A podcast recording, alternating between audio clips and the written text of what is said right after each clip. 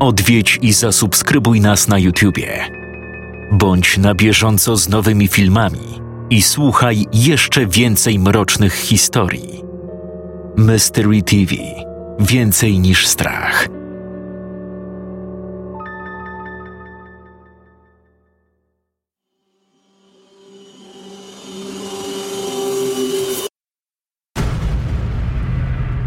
Siedmiu autorów. Siedem mrocznych opowiadań w świątecznym klimacie. Upiorne święta. Tylko na www.mysterytv.pl.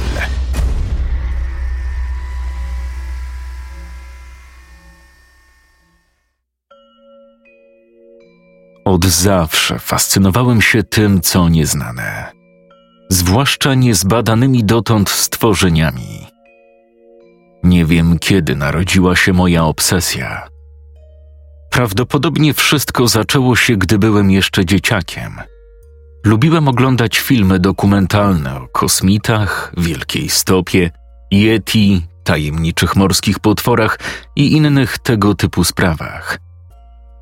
Moje dziwne zainteresowania przysporzyły mi wielu wyzwisk i problemów w szkole. Jak na typowego nerda przystało, poprawiłem okulary, otrzepałem się i poszedłem do koledżu. Tam zdobyłem stopień naukowy z zoologii, a potem zrobiłem nawet doktorat.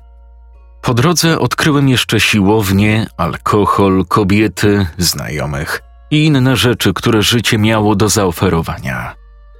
Jednak moją wielką miłością nadal pozostała kryptozoologia.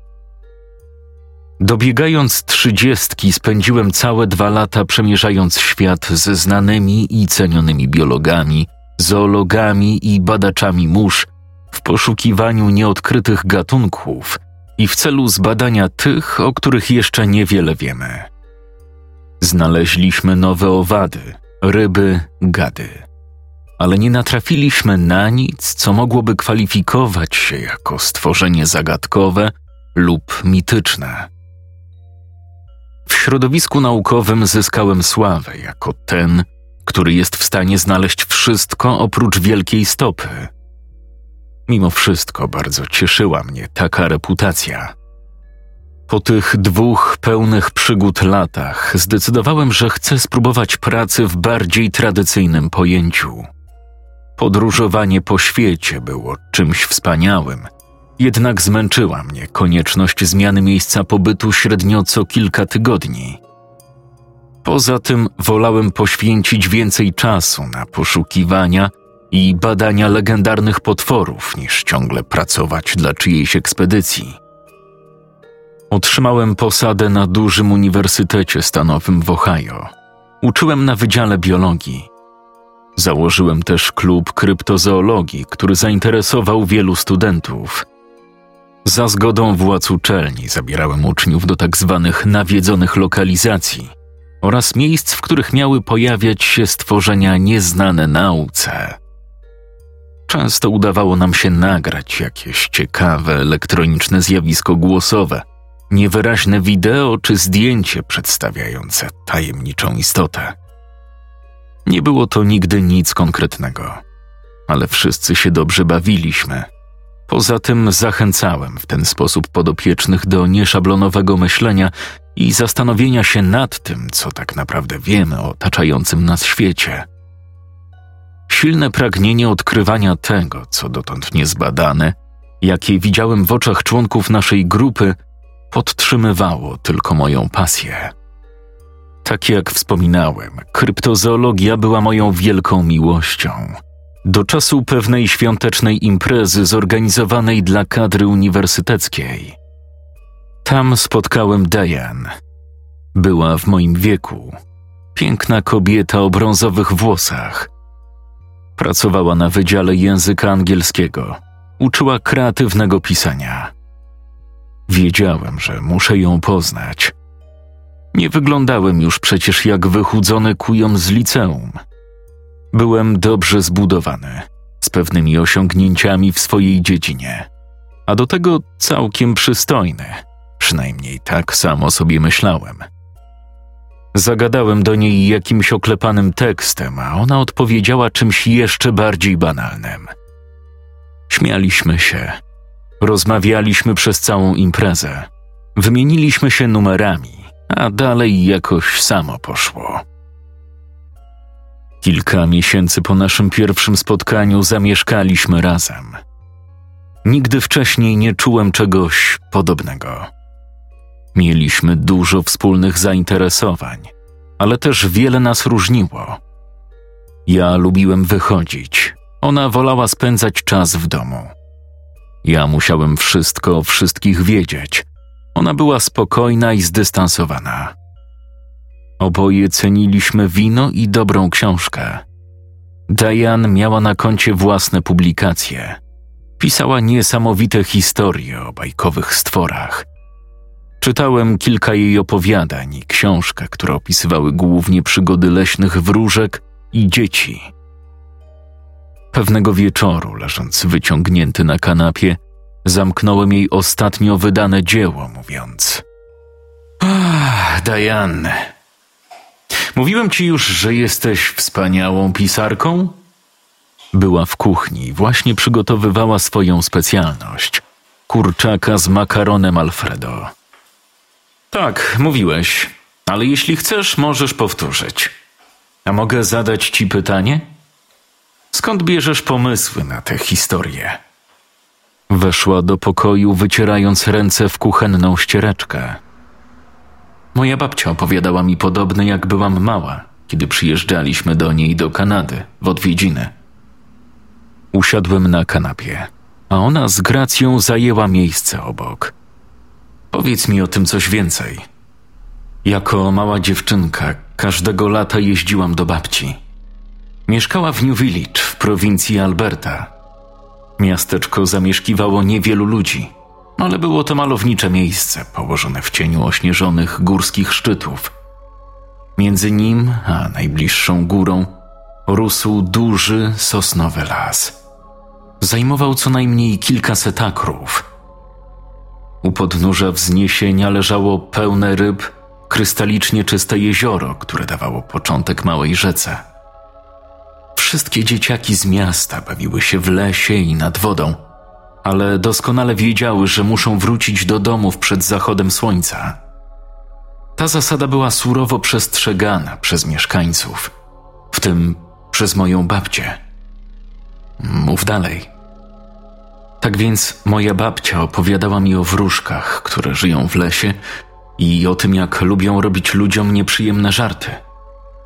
Mawiała, że jeśli nie będę słuchać starszych, to zabiorą mnie na zawsze. Te historie zawsze wywoływały u mnie gęsią skórkę. Moim rodzicom nie do końca podobało się, że mi je opowiadała, ale oni też mi powtarzali, że powinnam słuchać babci i być w domu, zanim zapadnie zmrok. Nie przejmowałam się tym wszystkim aż tak bardzo. Do momentu, kiedy jeden z chłopców, z którym lubiłam bawić się każdego lata, zaginął. Pewnej nocy po kłótni z ojcem wybiegł do lasu. Mieszkańcy nawet nie wyruszyli na poszukiwania, zanim nie wstało słońce. Nigdy go nie odnaleziono. Ciężko mi uwierzyć, że dorośli ludzie nie idą za chłopcem do lasu od razu, tylko czekają na wschód. Chyba, że naprawdę są przeświadczeni o istnieniu tajemniczych potworów.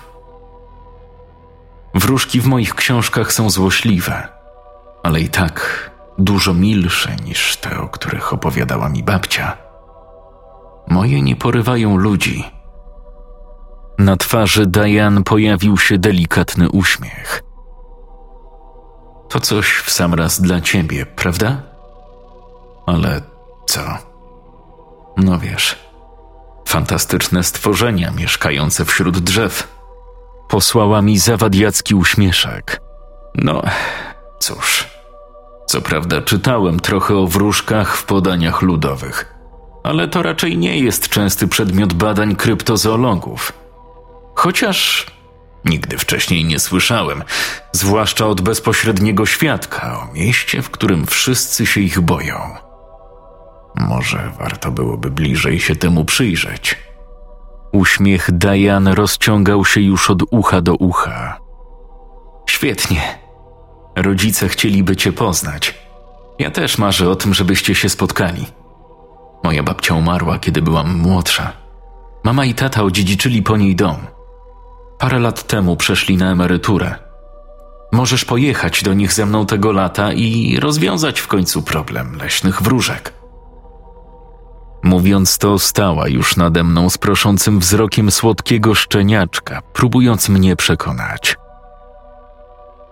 W ten oto sposób powzięliśmy wakacyjne plany i na początku czerwca siedziałem już w samolocie z Ohio do Alberty z Diane i walizką pełną sprzętu do nagrywania, który zawsze brałem ze sobą na wyprawy ze studentami.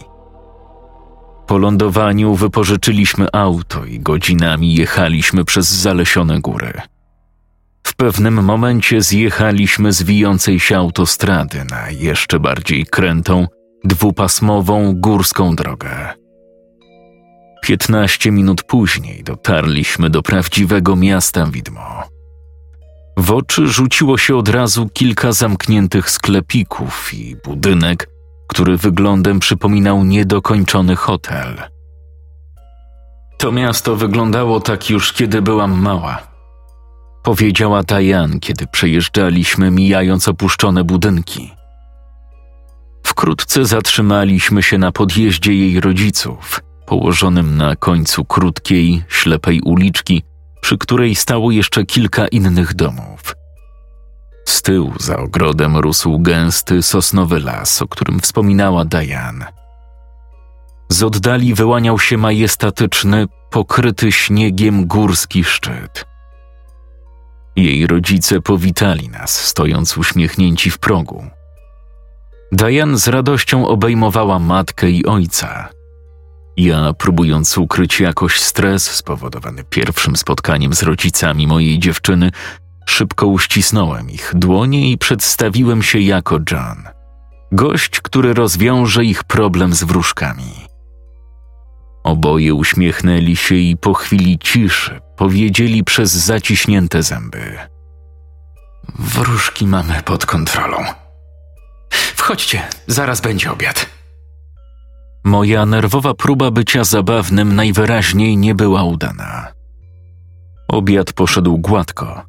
Rozmawialiśmy o tym, jak przebiegła podróż i czym zajmowałem się na uniwersytecie. Gdy już napełniliśmy brzuchy, wyszliśmy z ojcem Diane na werandę z tyłu wypić piwo. Czyli wykładasz kryptozoologię? Zapytał, zanim pociągnął z butelki duży łyk. Nie. Uczę o zachowaniu zwierząt i ich społecznych interakcjach. Chciałbym wykładać kryptozoologię, ale najpierw muszę mieć napisany i zatwierdzony program nauczania.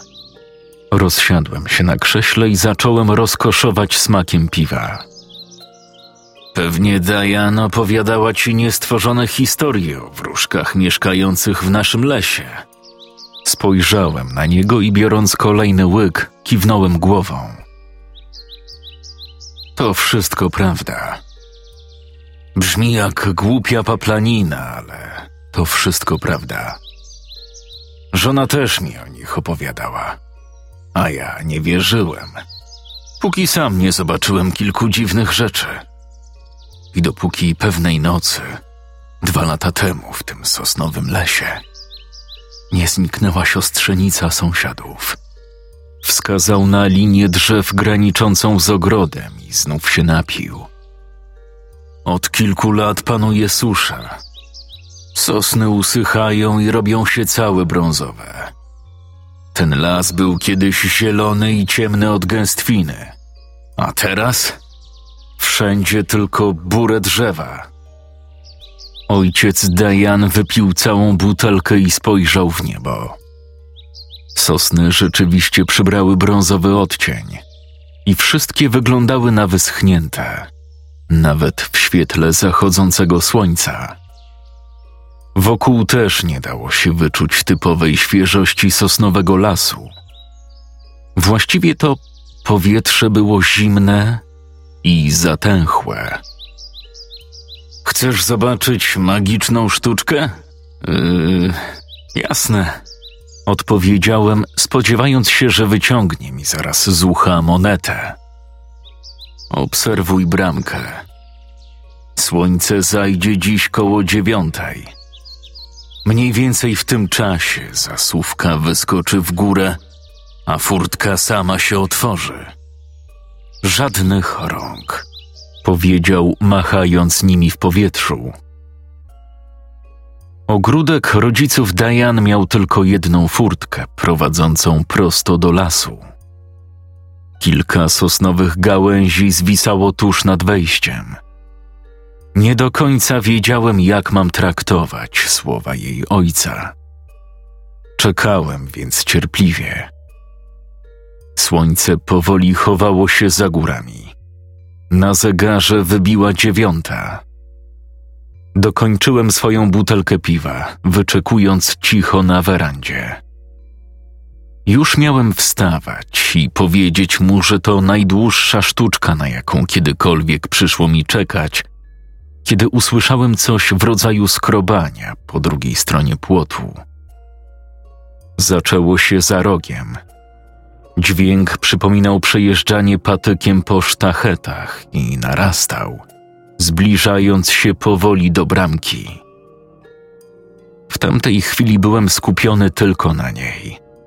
Kompletnie nie zwróciłem uwagi na Diane i jej matkę, które do nas dołączyły. Brzdęk. Zasówka wyskoczyła z miejsca, bramka powoli się otworzyła, jakby lekko pchana przez niewidzialną siłę. Niemożliwe. Wymamrotałem zwolna, schodząc z tarasu w kierunku wyjścia z ogrodu. Silny chwyt zawrócił mnie na górę. Obróciłem głowę i zobaczyłem ojca Diane, mocno ściskającego moje ramię. Nie idź tam, powiedział surowo z poważnym wyrazem twarzy. Robert, puść go. John, zostań. Nawet nie zbliżaj się do lasu po zachodzie słońca. Wtrąciła się matka Diane. Mamo, tato, przestańcie. Diane stanowczo odciągnęła mnie od rodziców. Przez was mi głupio. Potem zwróciła się do mnie. Jutro zabiorę cię do tego lasu. Nie ma problemu. Sam zobaczysz. Obiecała i weszła do środka. Czując się niezręcznie, udałem, że biorę ostatni łyk piwa i poszedłem za Diane. Możecie sobie śmiało spacerować za dnia, ale gdy tylko zajdzie słońce, musicie być z powrotem. Robert, mówiąc to, zaszedł mi drogę, nie pozwalając wejść do domu. Zatrzymałem się i popatrzyłem na niego, a potem na matkę Diane. Miała ten sam wyraz twarzy. Diane naprawdę cię lubi, John. Bardzo chcielibyśmy, żebyś zabrał ją ze sobą, kiedy wasza wizyta dobiegnie końca. Badajcie, co chcecie, ale uważajcie na to, co mówimy o lesie. Opuściłem wzrok. Rozumiem. Dopilnuję, żebyśmy przestrzegali zasad. Zabrałem ze sobą sprzęt do nagrywania. Czy mógłbym umieścić na płocie kamerę, żeby jutro uchwycić numer z bramką? W porządku. Ale zrób to wcześniej, jak jeszcze jest jasno. Zgodziłem się i wszedłem w końcu do środka, odrobinę zakłopotany ich ciągłym naleganiem na trzymanie się z dala od lasu po zmroku. Diane i ja szykowaliśmy się do snu. Leżałem już w łóżku z jej głową na piersi i rozmyślałem nad tym, czy jej bliscy rzeczywiście wierzą w tak zwane wróżki i czy ich zatroskane miny wyrażały prawdziwą obawę. Twoja rodzina naprawdę wierzy w te stworzenia, prawda? Przewróciła się na brzuch i spojrzała mi prosto w oczy. To żenujące. Nie fakt, że w ogóle wierzą w takie rzeczy, ale to ich niewzruszone przeświadczenie, że ten las to złe miejsce. Gdybym była w młodości prawdziwą buntowniczką, uciekłabym tam wiele razy. Zaczynają zachowywać się jak babcia. Nie mam pojęcia, w jaki sposób ojciec odczynia tę sztuczkę z furtką, ale to już powoli robi się nudne. Nabrał mnie już dwa lata temu i ciągle twierdzi, że nie ma z tym nic wspólnego. Zabiorę cię tam jutro. Zobaczysz. Bawiłam się w tym miejscu jako dzieciak. Nie czai się tam nic złego. Przytuliłem ją i delikatnie pocałowałem. Dobrze. W takim razie jutro wyruszamy na przygodę. Następnego ranka Diane zabrała mnie po śniadaniu do sosnowego lasu.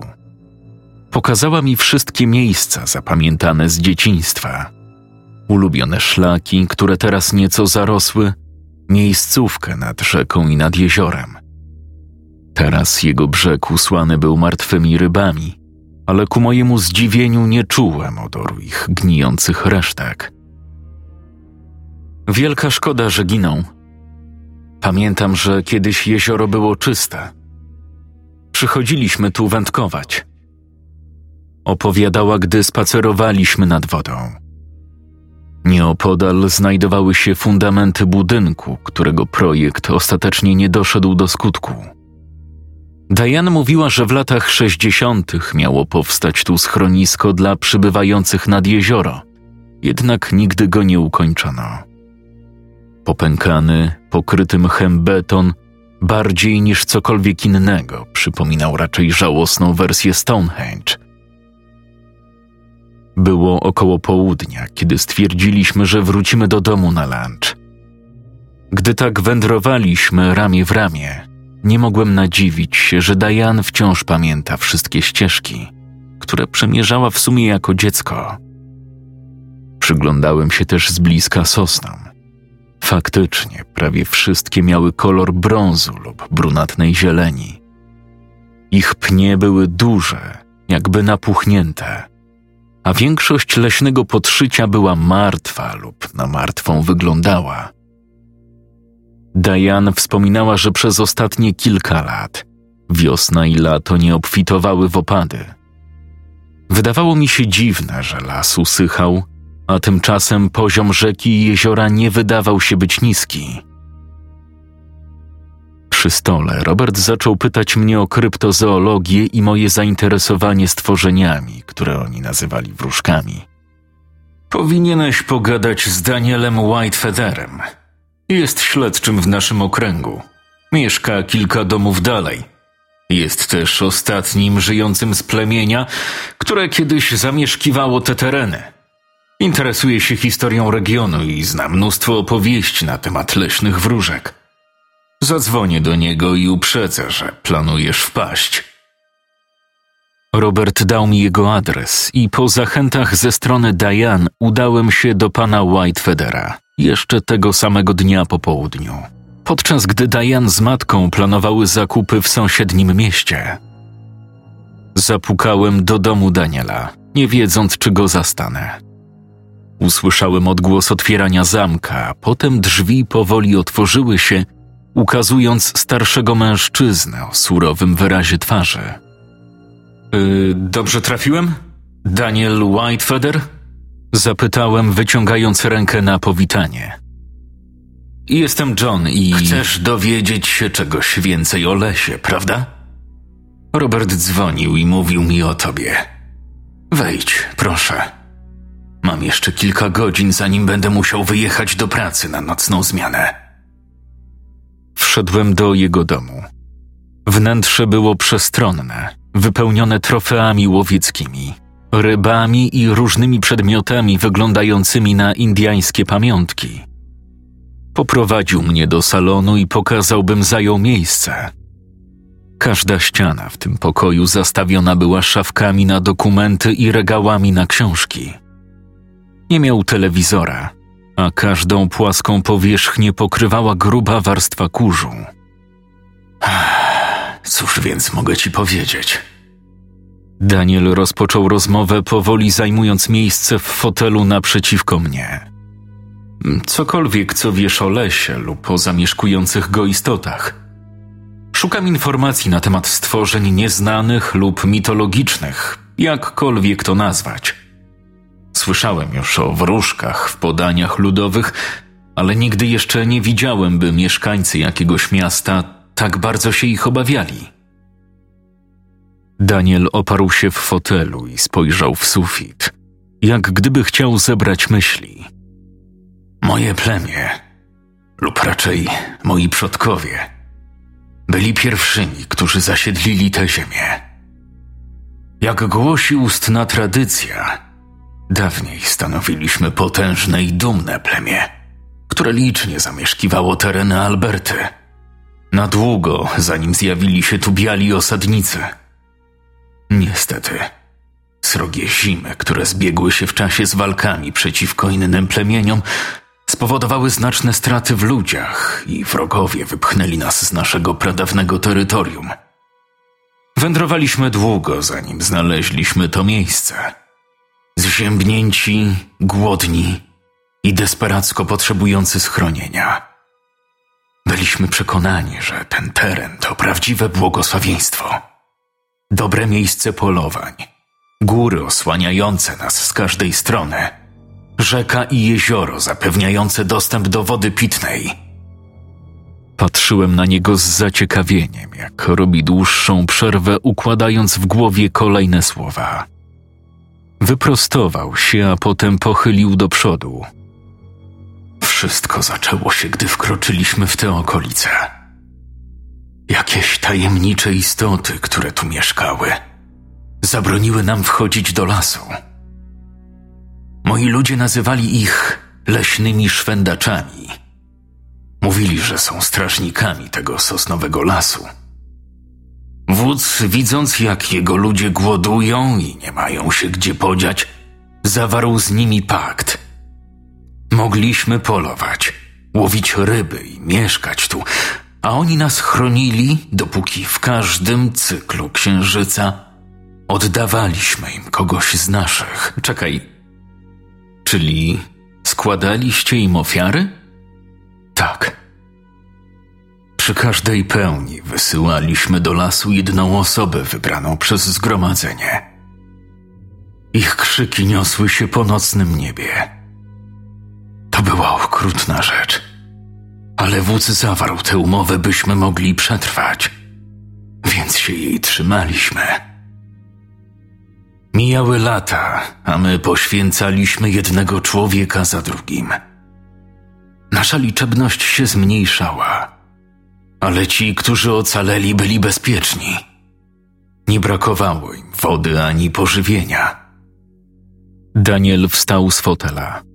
Podszedł do regału z książkami i wyciągnął jedną w skórzanej okładce, ze stronami pożółkniętymi ze starości. Rzucił ją na ławę stojącą między nami. Książka głośno uderzyła o blat, wzniecając wielką chmurę kurzu. O, wybacz. Byłem trochę zajęty i nie miałem czasu posprzątać. Spokojnie. Żaden problem. Ale w jaki sposób coś, co zdaje się być tylko indyjską legendą, sprawiło, że całe miasto ogarnął strach przed lasem. Książka zawiera wszystkie historie o leśnych szwendaczach, które były przekazywane w moim plemieniu z pokolenia na pokolenie. Zacząłem je spisywać, kiedy byłem jeszcze młody. Poznałem te opowieści od starszych krewnych i wielu innych, zanim odeszli. Ja jestem ostatni i doszedłem do wniosku, że trzeba to spisać – żeby inni mogli dowiedzieć się, czego doświadczyliśmy. Wszystko się zmieniło, kiedy na nasze ziemię wkroczył biały człowiek. Najpierw był jeden odkrywca. Nie widzieliśmy w nim zagrożenia, więc pozwoliliśmy mu przejść. Potem znalazł w rzece złoto. Powiedział innym. Wkrótce w poszukiwaniu złota przybyło wielu innych ludzi. Przywozili futra, mięso, kolorowe koraliki i pistolety. Chcieli prowadzić z nami wymianę handlową w zamian za małe kawałki ziemi, na której mogliby zamieszkać podczas poszukiwań. Zgadzaliśmy się. Oni dostarczali nam nowych rzeczy, a my oddawaliśmy im część naszych ziem. Biali ścinali drzewa, żeby oczyścić teren, na którym dzisiaj stoi to miasto.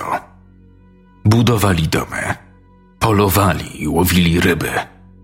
A my przestaliśmy już wysyłać naszych ludzi do lasu w każdą pełnię księżyca. Czyli przestaliście składać ofiary, bo wszystko dostawaliście od osadników. A co z umową zawartą z tymi stworzeniami? Żyliśmy spokojnie u boku białego człowieka. Leśni szwendacze byli rozgniewani, że zerwaliśmy pakt. Patrzyli na nas, stojąc na skraju, w ciemnościach między drzewami. Czuliśmy ich złość. Pewnej nocy kilku poszukiwaczy wracało przez las z połowów na jeziorze. Szwendacze zabrali siłą jednego z nich na oczach pozostałych. W całym lesie słychać było krzyki. Ci, którzy ocaleli, uciekli i nigdy już nie wrócili. Byli tak przestraszeni, że zostawili swoje rzeczy, a nawet złoto. Niedługo potem wszyscy, którzy weszli w głąb lasu po zachodzie, znikali. Nie został po nich nawet ślad. Kiedy ludzie zaczęli unikać lasu po zmierzchu, ci dziwni strażnicy zaczęli stosować sztuczki, żeby nas tam zwabić. Nocami potrafili naśladować płacz dzieci i krzyki ukochanych. Każdy, kto biegł między drzewa, by ocalić bliskich, ginął. Udało im się zabrać trzy matki z naszego plemienia, bo na skraju lasu słyszały wołania swoich dzieci. Kobiety zniknęły, jak tylko wybiegły na ratunek swoim pociechom. Zawsze brali jedną osobę na raz, ale z zemsty zaczęli atakować częściej. Czyli umieją naśladować głosy i dźwięki? Tak. Potrafią odzywać się głosem każdego lub brzmieć jak cokolwiek, co zdoła zwabić cię do lasu. Żądza znalezienia złota była jednak silniejsza niż strach przed porwaniem. Przyjeżdżało coraz więcej białych ludzi, dopóki nie zniknęło ich tak wielu, że pojawiły się pogłoski o przeklętej ziemi. Wielu osadników opuściło te tereny, ale zostały wdowy z dziećmi. Każdy, kto tu mieszka, jest krewnym kogoś porwanego. Moje plemię brało ich pod swoją opiekę i pomagało. Wtedy zaczął też obowiązywać zakaz wchodzenia do lasu nocą. Dlaczego ludzie wciąż tutaj mieszkają? Dlaczego nie spakowali się i nie wynieśli, skoro to miejsce jest przeklęte? Moi ludzie uzgodnili coś z rodzinami poszukiwaczy złota, którzy zostali. Przyrzekli, że będą strzec tego miejsca i trzymać ludzi z dala od zła, które tu mieszka. Nikomu mieli nie mówić o osadzie. Złamali tę zasadę i narazili wielu na niebezpieczeństwo. Jednak cokolwiek nie robili i jak bardzo by nie ostrzegali, świat i tak widział tu tylko dobre tereny łowieckie, ryby w jeziorze i złoto w rzece. Ludzie przybywali, znikali w lesie po zmroku. Kiedyś, w latach sześćdziesiątych, jakaś grupa dowiedziała się o miejscu połowów i chcieli zbudować schronisko na brzegu jeziora. Wszyscy poginęli. Za każdym razem było tak samo. Ostrzegaliśmy ich, a oni nazywali nas szaleńcami. Dopiero od niedawna to miasteczko i las odeszło w zapomnienie. W ciągu ostatnich dziesięciu lat odnotowaliśmy zaledwie kilka zaginięć. Widziałem te fundamenty. Daniel wstał i podszedł do jednej z szafek. Otworzył najwyższą szufladę. Kolejny raz kurząc dookoła.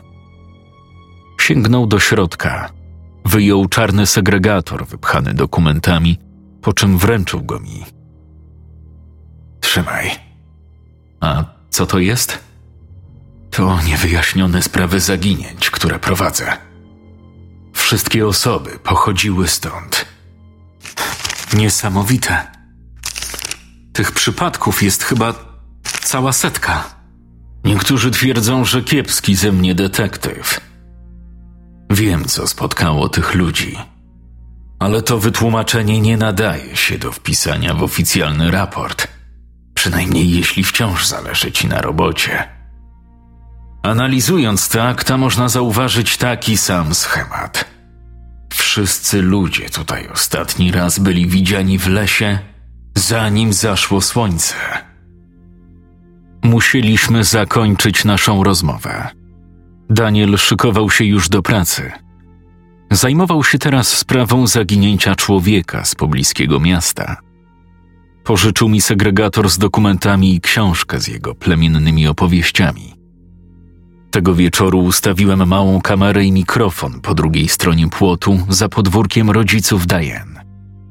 Jeśli udałoby mi się coś zarejestrować, może byłbym w stanie lepiej zrozumieć, z czym mamy tu do czynienia. Połączyłem sprzęt z laptopem, włączyłem nagrywanie, zostawiłem komputer w sypialni, a sam poszedłem na kolację. Siedząc na werandzie po obiedzie, z zapałem przeglądałem historie opowiadane przez przodków Daniela. Nagle przerwał mi odgłos patyka szurającego o ogrodzenie. Potem brzęk wyskakującej zasówki i komentarz Roberta mówiącego w samą porę. Słońce zachodziło właśnie za górami. Zupełnie zapomniałem o włączonej kamerze. W nocy podekscytowany opowiadałem Diane o wszystkim, czego dowiedziałem się tamtego popołudnia. Powinieneś porozmawiać jeszcze z sąsiadami. Większość z nich jest już starsza i na emeryturze, więc powinni być w domach. Tak, chyba rzeczywiście jutro się tym zajmę. Odpowiedziałem przejęty. Wizja prawdziwego kryptozoologicznego odkrycia, które mógłbym zaprezentować w środowisku, napędzała moje myśli jak dziki ogień. Ale tylko pod warunkiem, że zabierzesz mnie na porządne śniadanie, zastrzegła Diane z diabelskim uśmieszkiem. Idę jutro z mamą nazbierać jagód do ciasta. To jej specjalność. Na pewno ci posmakuje. Zgoda. Wstałem, żeby zgasić światło, i wtedy doszło do mnie, że kamera na płocie wciąż jest włączona. Hej! Zobaczmy, czy na nagraniu widać, co otwiera waszą bramkę. Diane prześlizgnęła się po łóżku, a ja przesunąłem palcami po panelu dotykowym w laptopie, wyłączając wygaszacz. Na ekranie wyskoczył widok z kamery, ale okazało się, że jest ustawiona prosto na okno domu, zamiast rejestrować teren przy ogrodzeniu. To przecież okno naszej sypialni. Powiedziała cicho Diane. Wstałem i wyjrzałem przez nie. Widziałem świecącą diodę zasilania na kamerze, która zwrócona była w moją stronę. Coś ją przestawiło. O ile pamiętam, od momentu, kiedy ją umocowałem, nikt jej nie dotykał.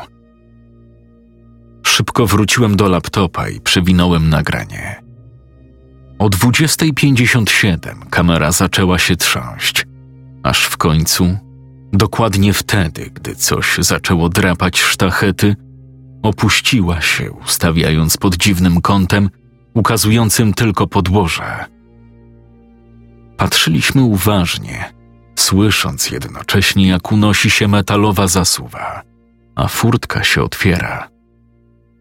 Cokolwiek to zrobiło, było poza kadrem. Słyszałaś to? Co takiego?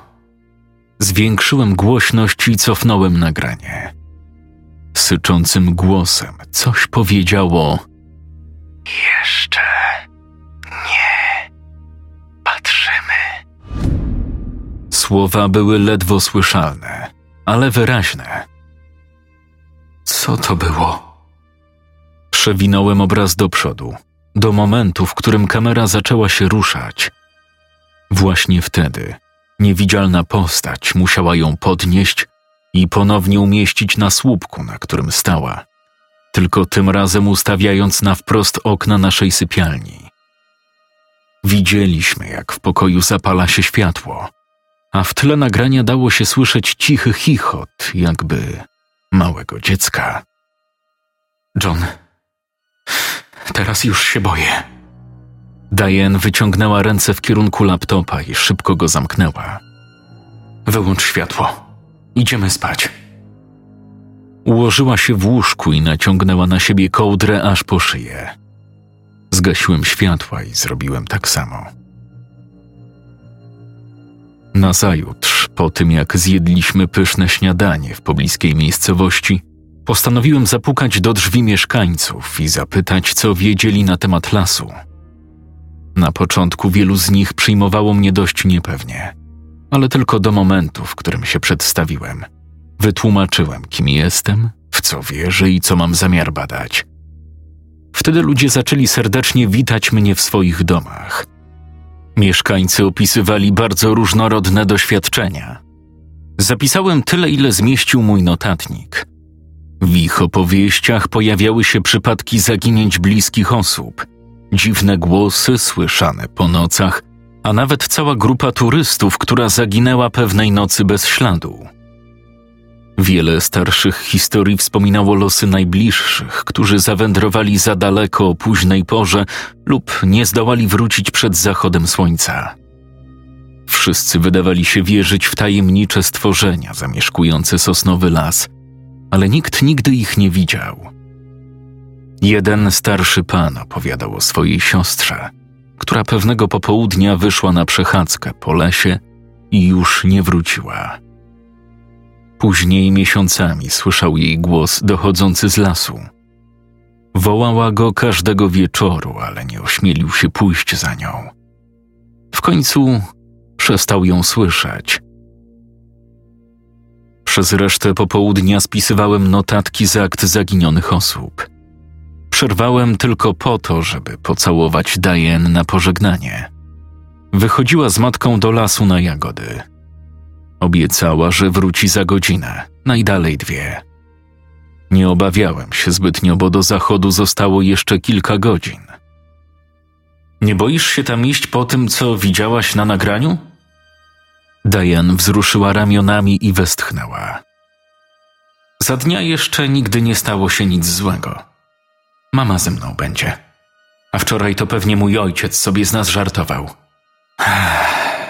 Po prostu Wróć do mnie cała i zdrowa. Uśmiechnęła się i zamknęła drzwi. Ja wróciłem do notatek. Każdy przypadek z akt zdarzył się w podobnych okolicznościach. Osobę ostatni raz widziano wchodzącą do lasu przed zmrokiem lub kiedy zaczynało robić się ciemno, a po zachodzie już nie wracała. W kilku sytuacjach świadkowie słyszeli głosy wśród drzew – Jedna sprawa dotyczyła całego oddziału poszukiwawczego policji, który zniknął nocą w lesie. Żaden z policjantów nie wrócił. Nie było dobrej odpowiedzi na pytanie, dlaczego giną ludzie. Wycinki z gazet obciążały winą samych zaginionych, którzy gubili się w kanadyjskiej głuszy, ewentualnie musieli zostać rozszarpani przez wilki lub niedźwiedzie. Wyczerpany po całym czasie spędzonym nad papierami, zamknąłem segregator wypełniony dokumentami i rozsiadłem się na krześle w salonie. Odetchnąłem głęboko i wstałem, zbierając akta i książkę, którą pożyczył mi Daniel. Potem powoli uchyliły się drzwi frontowe. Spojrzałem w ich stronę, mając nadzieję, że w progu zobaczę Diane z matką. Jednak ku mojemu zdziwieniu do środka wszedł Robert. Hej, y, nie wiedziałem, że wychodziłeś. Ta. Byłeś tak bardzo pochłonięty czytaniem, że nawet nie zauważyłeś, jak wychodziłem do miasta. Zabrakło mi paliwa do kosiarki. Podwórko już trochę zarosło. Trzeba przyciąć trawę. Wypatruj Diane i Mary. Poszły do lasu zbierać jagody i jeszcze nie wróciły. Ech, w porządku. Mają dużo czasu. Do zachodu zostały jeszcze jakieś trzy godziny. W jego odpowiedzi usłyszałem lekkie zaniepokojenie. Zabrałem wszystkie dokumenty i wyszedłem zwrócić je Danielowi. Zastałem go siedzącego na ganku. Był jeszcze w policyjnym mundurze. Popijał piwo. John, widzę, że masz mój segregator i książkę. Znalazłeś to, czego szukałeś? Oddałem mu rzeczy i zająłem miejsce obok. Znalazłem sporo interesujących faktów. Przypytałem wielu sąsiadów i naprawdę każdy uważa, że coś jest w tym lesie. Wszystkie sprawy zaginięć są podobne. Te indiańskie opowieści bardzo mnie intrygują, ale. Proszę cię, wytłumacz mi coś. Dlaczego ludzie wciąż tutaj mieszkają? Rozumiem, że twoich przodków trzymał tu jakiś pakt, ale teraz? Czemu po prostu stąd nie wyjadą? Daniel odstawił piwo i głęboko westchnął. Wzniósł ręce i założył je na karku, zanim wygodnie rozsiadł się na krześle. Pewnie głupio to zabrzmi, ale istnieje tradycja i niepisana umowa między wszystkimi, którzy tu dorastali, że zostaniemy tu i dopilnujemy, by nie zostało zbudowane nic poza tym, co już jest. Nie chcemy, by inni ludzie musieli przechodzić przez to samo, co nasi przodkowie. Każdy mieszkaniec jest potomkiem osadników, którzy przybyli tutaj już dawno temu. Każdy stracił kogoś w tym lesie. Wszystkie zabite deskami, opuszczone budynki w tym mieście do kogoś należą. Po prostu umówiliśmy się, że nigdy nie zostaną sprzedane, że pozwolimy im popaść w ruinę. Większości z nas nie stać, by rzucić wszystko i się stąd wyprowadzić. Zresztą, dlaczego mielibyśmy sprzedawać komuś dom w tak okropnym miejscu? Dorastaliśmy tu. Wiemy, jak to jest słyszeć w nocy hałasy i obawiać się odwiedzających nas krewnych. Dla wszystkich będzie najlepiej, jeśli mieszkańcy tego miasta wymrą, a ono samo zniknie z wszelkich map. Jesteśmy ostatnimi żyjącymi tutaj ludźmi. Rodzice Diane się tu wychowali, ale ona już nie. Gdy odejdą, dom będzie stał opuszczony, tak jak pozostałe. Siedziałem w milczeniu, próbując pojąć to, co Daniel właśnie mi wyznał. Oczywiście żaden dom tutaj nie był specjalnie ekstrawagancki. Nikt też nie wydawał się być majętny. Ale jak mogli żyć w miejscu, które napawało ich wiecznym strachem? Jak oni wyglądają? Kto? Leśni szwendacze albo wróżki, jakich tam nazywacie. Jak wyglądają? W żadnym tekście nie znalazłem ich opisu. Jedyna wzmianka o tym, że ktoś bezpośrednio z nimi rozmawiał, dotyczyła Twoich przodków. Dziś wypada pełnia. Tylko kilka osób zaginęło nocą w ciągu ostatnich dziesięciu lat. Są rozzłoszczeni. Czuć to w powietrzu. Za dwa lata przejdę na emeryturę. Poświęciłem życie, próbując odnaleźć tych zaginionych ludzi. Chodziłem po lesie w ciągu dnia. Ciężko ich zauważyć. Są wysocy i bardzo chudzi. Jak będziesz się wpatrywać, zobaczysz ich zarys gdzieś między drzewami. Niełatwo to dostrzec, ale są ich setki. Cały czas siedzą w lesie nie poruszają się, póki nie zajdzie słońce. Ale nawet teraz możesz spojrzeć i zobaczyć, jak czekają w bezruchu wśród drzew. Daniel wskazał w stronę lasu rosnącego po drugiej stronie drogi, naprzeciwko jego domu. Wpatrywałem się uważnie, ale nie widziałem nic oprócz sosnowych pni w niknącym świetle dnia. Podziękowałem mu za poświęcony czas i pożyczone materiały do badań, a potem udałem się do domu rodziców Diane. Słońce już zaszło. Chłodny powiew wiatru przemknął przez drogę w kierunku lasu, tak jakby puszcza brała głęboki wdech. Szedłem popękanym chodnikiem, przyglądając się drzewom. Chciałem się przekonać, czy uda mi się zauważyć to, o czym mówił Daniel – była pełnia. Księżyc świecił bardzo jasno, Wyglądało to prawie jak światło dzienne z delikatną, niebieską poświatą. Wokół kompletna cisza. Żadnych owadów, żadnych ptaków. Słychać było jedynie szum wiatru i odgłos moich kroków. Jeszcze tylko około stu metrów i będę na miejscu. John! Rozległ się mrożący krew w żyłach wrzask dochodzący ze skraju lasu. Ten głos. Znałem go. To Diane. Zjeżyły mi się włosy na karku.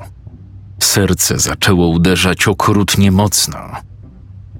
Diane i jej mama jeszcze nie wróciły, kiedy wychodziłem. A co jeśli nie dotarły z powrotem? Może jest ranna, a może ją porwali. John! Znów usłyszałem krzyk.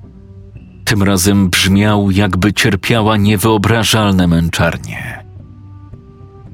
Zanim zorientowałem się, co właściwie robię, byłem już dwadzieścia metrów w głębi lasu. Moje oczy gorączkowo skanowały wszystko dookoła. Diane! Wołałem. Odpowiadała mi tylko cisza. Księżyc był tak jasny, że jego blask wpadający przez sosnowe gałęzie oświetlał każdy szczegół otoczenia. Nabierałem teraz powietrze przez usta. Szybki rytm wdechów dopasował się do rozszalałego bicia serca. Kątem oka zauważyłem jakiś ruch. Nie byłem sam. Wszędzie dookoła coś się ruszało, ale nie mogłem zauważyć dokładnie gdzie. Cokolwiek to było, nie wydawało z siebie żadnych dźwięków i było jakieś mętne, prawie niedostrzegalne. Jak gdyby pojawiające się znikąd mgliste postacie, które wtapiały się w rzeczywisty obraz. Były ludzkiego wzrostu. Miały białą skórę, cienkie nogi, ramiona i całe ciała. Skóra wyglądała na suchą, układała się w pomarszczone fałdy jak u dżdżownicy. Na ich wielkich, białych głowach, stożkowatych po bokach, nie widniało nic oprócz małego, czarnego otworu na przedzie. Moje mięśnie były spięte przez przepływający przeze mnie czysty strach. Nie mogłem się ruszyć. Paraliżował mnie bezgraniczny lęk. Przede mną stały całe tuziny tych stworzeń. Wszystkie wyglądały przerażająco jednakowo. Chciałem uciekać. Nie byłem w stanie. Jedno z nich zaczęło powoli ruszać w moją stronę. Zatrzymało się pięć metrów ode mnie. Wszystko działo się w kompletnej ciszy. Serce biło mi tak mocno, że w ustach słyszałem każde uderzenie. Dziura pośrodku głowy tej istoty zaczęła się powiększać, jakby coś się przez nią przeciskało. Pokrywająca ją skóra zsunęła się i zmarszczyła, a z czarnego otworu wyłoniła się głowa młodej kobiety. Szczęka opadła mi na ten widok. Miała czarne włosy, pokryte jakąś tłustą substancją, ciemne, owalne oczy i bladą skórę. Spojrzała na mnie. Wydawało mi się, że mijają całe wieki, kiedy wpatrywałem się w to monstrum o ludzkiej twarzy. Potem otworzyła usta. John powtarzała moje imię, ale ja doskonale znałem ten głos. Należał do Diane. Byłem zdezorientowany. Potwór w przerażający sposób przekręcił głowę na boki cały czas utrzymując na mnie spojrzenie swoich pustych oczu. John, John, John, John. Głos Diane powtarzał coraz szybciej i szybciej. Później moje uszy przeszył okropny, maniakalny śmiech wydobywający się z jej ust. Po twarzy popłynęły mi łzy. Usta zaczęły drżeć. Chwilę potem zamilkła. Od szczęki aż po czoło twarz młodej kobiety rozdzieliła się na pół, rozwarstwiając na obie strony, jakby została przekrojona. Moim oczom ukazał się cały szereg ostrych zębów i języki, wijące się między nimi niczym macki. Istota wydała z siebie głośny pisk. Był tak wysoki, przenikliwy, że zatrząsł się cały las. Zaczęło mi dzwonić w uszach. Z głośnym łomotem upadłem na plecy i po raz pierwszy, odkąd ją ujrzałem, znów mogłem się ruszyć. Zacząłem nerwowo odpychać się nogami do tyłu. Chciałem odsunąć się jak najdalej od potwora. Ten padł na cztery odnóża i ruszył w moją stronę w niepodobny do ludzkiego, nienaturalny sposób. Wiedziałem, że nie mam szansy się podnieść i uciec. To coś było już prawie na mnie. Podniosłem tylko ręce, żeby zasłonić twarz.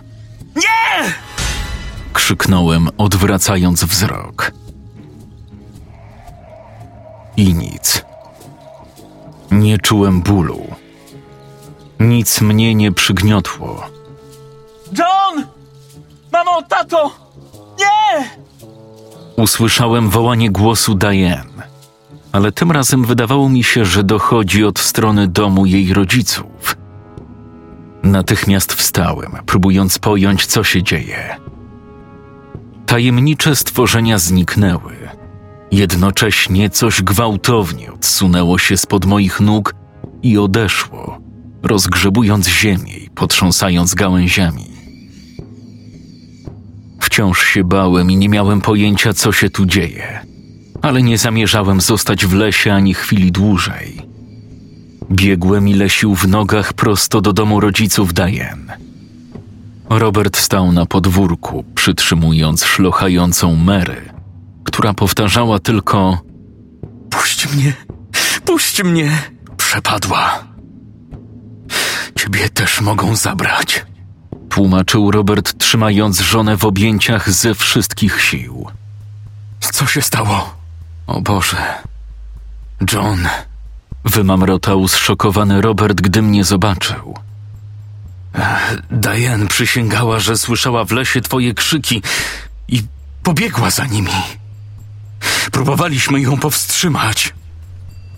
W oddali rozległo się wołanie Diane. Strach i buzująca we mnie adrenalina przerodziły się w złość. Zabrały kobietę, którą kocham. Te ohydne kreatury porwały Diane. Bez namysłu pobiegłem do garażu i chwyciłem kanister z benzyną, który przywiózł wcześniej tego dnia Robert. W popłochu rozglądałem się po wnętrzu i na półce znalazłem palnik do lutowania. Szybko podbiegłem na skraj lasu, tuż za ogrodzenie. Robert, potrzymaj. Nakazałem, wciskając mu palnik w ręce. Zacząłem czym prędzej polewać benzyną drzewa i chrust wzdłuż krawędzi lasu. Co ty. Co ty robisz? Zapytał, patrząc na mnie zdezorientowany. Wciąż próbował pocieszyć Mary. Spojrzałem mu prosto w oczy i zdecydowanym tonem powiedziałem: Daj mi to. Jeśli chcą ją nam zabrać, to ja zabiorę im las. Nieprzekonany, oddał mi palnik. Było sucho. Wiatr wiał w stronę lasu. Otworzyłem zawór w butli, włączyłem zapłon i rzuciłem w krzaki. Zaledwie w kilka sekund rozpętało się przede mną istne piekło. Zabrałem Roberta i Mer, którzy wciąż byli zszokowani tym, co przed chwilą zrobiłem. Ogień szybko się rozprzestrzeniał. Pożerał wszystko na swojej drodze. Nigdy wcześniej nie widziałem czegoś takiego. Wkrótce całe miasto wyszło na drogę, oglądając, jak płomienie ogarniają sosnowy las, który znali od zawsze. Stałem milcząc pośród nich – z furią w oczach. Nagle z oddali zaczęły dobiegać okropne krzyki bólu i przerażenia. Przeszywały powietrze niczym ostrza noży. Wiele osób zasłaniało uszy rękami. Inni obejmowali się wzajemnie, a niektórzy uciekli w popłochu do domów. Ogłuszające wrzaski wciąż niosły się po lesie, podczas gdy ogień trawił kolejne rzędy drzew. W końcu, tak samo nieoczekiwanie jak się zaczęły, krzyki ucichły i słychać było tylko odgłosy szalejącego pożaru. Ktoś wezwał straż pożarną, która zawiadomiła strażników leśnych. Nic nie mogli już zrobić. Płomienie rozprzestrzeniały się tak szybko, że cały las doszczętnie spłonął, zanim w ogóle zaczęli działać. Przyznałem się do podpalenia i tej samej nocy zostałem aresztowany przez lokalnych stróżów prawa. Spędziłem w areszcie trzy dni, prawie całkowicie pozbawiony kontaktu ze światem zewnętrznym. Gliniarze biegali po komisariacie, uwijając się jak w ukropie. Wyglądało na to, że spadło na nich zdecydowanie więcej roboty niż zdołali ogarnąć. Przez większość czasu kompletnie nie zwracali na mnie uwagi. Przynosili jedynie posiłki i zaglądali przed wieczorem. Kiedy trzeciego poranka obudziłem się w celi, zobaczyłem Daniela machającego na powitanie. Ach, dzień dobry. Odezwałem się jeszcze półprzytomny. Otworzył celę. Możesz iść, John. Co takiego? Ech, chodź ze mną. Kiwnął ręką. Wstałem i zrobiłem jak powiedział. Znaleźli Diane. Co z nią? Jest ranna? Jak? Miała trochę oparzeń, skaleczeń, siniaków. Poza tym nawdychała się dymu i nadal jest w szoku, ale żyje. Wskakuj do auta. Zawiozę cię do niej do szpitala. Powiedziałbym ci wcześniej, ale miałem taki natłok pracy przez to, co się tu teraz dzieje. Bogu dzięki. Ale chwileczkę, bo trochę się pogubiłem. Dlaczego mi wolno wyjść? Wsiadaj do samochodu. Powiem ci po drodze. Droga do szpitala zajęła około godziny. W tym czasie Daniel wyjaśnił mi, że byłem teraz najmniejszym problemem, który miała w głowie tutejsza policja. Żaden z domów w mieście nie został uszkodzony. Wiatr kierował ogień w przeciwną stronę. Ekipy ratunkowe i poszukiwawcze przeczesywały las nocą i nad ranem. Znaleźli Diane nad brzegiem jeziora. Była naga i mocno wystraszona ale żyła. Największy kłopot, z którym musieli poradzić sobie śledczy, to setki szkieletów znalezionych w leśnym pogorzelisku. Nie leżały w przypadkowych miejscach, jak zapewne byłoby w przypadku ofiar pożaru. Spalone pnie sosnowych drzew kryły w sobie dziesiątki ciał, jak gdyby zostały nimi wypchane. Daniel pokazał mi w swoim telefonie jedno ze zdjęć z miejsca zdarzenia. Widać było na nim przerośnięty, wypalony pień. W środku z łatwością dało się zauważyć ludzki szkielet, powykręcany w przeraźliwy sposób, obrośnięty tkankami drzewa. Wyglądem przypominało to zdrewniałe żyłki oplecione wokół kości, które zdawały się wrastać w ciało ofiary. Niektóre szczątki za pomocą analizy uzębienia zostały zidentyfikowane jako ludzie, którzy zaginęli w lesie w latach 60. Wiek innych oszacowano na setki lat. Koroner próbował ustalić tożsamości ofiar oraz sposób, w jaki ich ciała zostały wepchnięte w drzewa. Zapewne większość spraw zaginionych zostanie teraz zamknięta, w ostatnie dni spałem tylko kilka godzin przez te wszystkie papiery, które muszę teraz wypełniać. Rozstaliśmy się pod szpitalem. Ja poszedłem od razu do sali, w której leżała Diane. Byli przy niej rodzice. Wszędzie miała siniaki i skaleczenia, ale była żywa. Siedziała na swoim łóżku, wpatrzona przed siebie, z otwartymi ustami, nie mrugając ani razu. Kiedy wszedłem, powoli obróciła głowę w moją stronę, wciąż nawet na chwilę nie przymykając oczu. Gdy nasze spojrzenia się spotkały, zaczęła gorzko płakać. Podbiegłem i mocno przytuliłem ją do siebie. Zabrali mnie. Zdarli ze mnie ubrania i próbowali włożyć do środka. Gdzie? Do drzewa. Do środka drzew. Oni karmili nami ten las. On umierał i cierpiał głód. Nie powiedziała już nic więcej. Ściskałem ją mocno, dopóki nie przestała płakać. Po tym jak Diane została wypuszczona ze szpitala, wróciliśmy do domu. Następnie jej rodzice zabili deskami wszystkie okna i opuścili go. Kupili mieszkanie w bloku blisko naszego miejsca pracy. Od czasu tamtych wydarzeń minęły lata. Nigdy o tym nie rozmawiamy. Jej rodzice też nie poruszają tematu. Mimo to wciąż obsesyjnie myślę o tym, czym mogły być tamte przerażające stworzenia. Las przestał istnieć, a cały teren, na którym stało miasto, wykupiła bardzo tanio firma deweloperska. Zajęła się budowaniem osiedli mieszkaniowych. Z tego co mi wiadomo, od tamtej pory nikt już tam nie zaginął. Co prawda, można znaleźć raporty mówiące o tym, że to miejsce jest nawiedzone. Ludzie wciąż słyszą nocami dziwne głosy i krzyki. Moja kamera była włączona w noc pożaru. Obejrzałem nagranie tylko jeden raz, zanim zdecydowałem się je wykasować. Na krótką chwilę, zanim Diane została porwana, Zasówka przy bramce została wypchnięta z zapięcia przez jakąś mglistą sylwetkę, której sprzęt dokładnie nie zarejestrował. Po tym obiektyw został skierowany w stronę lasu. I mój głos. Później słychać było mój głos rozpaczliwie wołający Diane.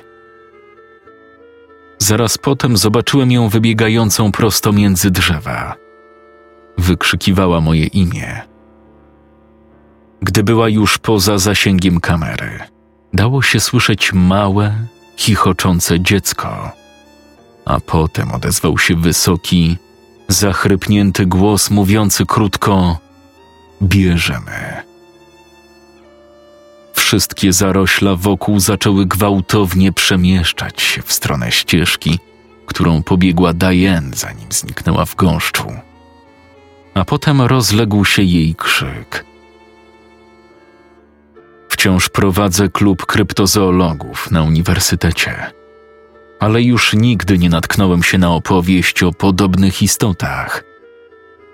Jednak jak wielka by nie była moja obsesja na punkcie odkrycia prawdy o tych potworach, jeśli jeszcze kiedyś usłyszę historię o leśnych wróżkach, które porywają ludzi – z dużym prawdopodobieństwem mogę stwierdzić, że odpuszczę sobie dalsze śledztwo. Scenariusz Tom. Tłumaczenie Aleksandra Rudka. Czytał Jakub Rudka.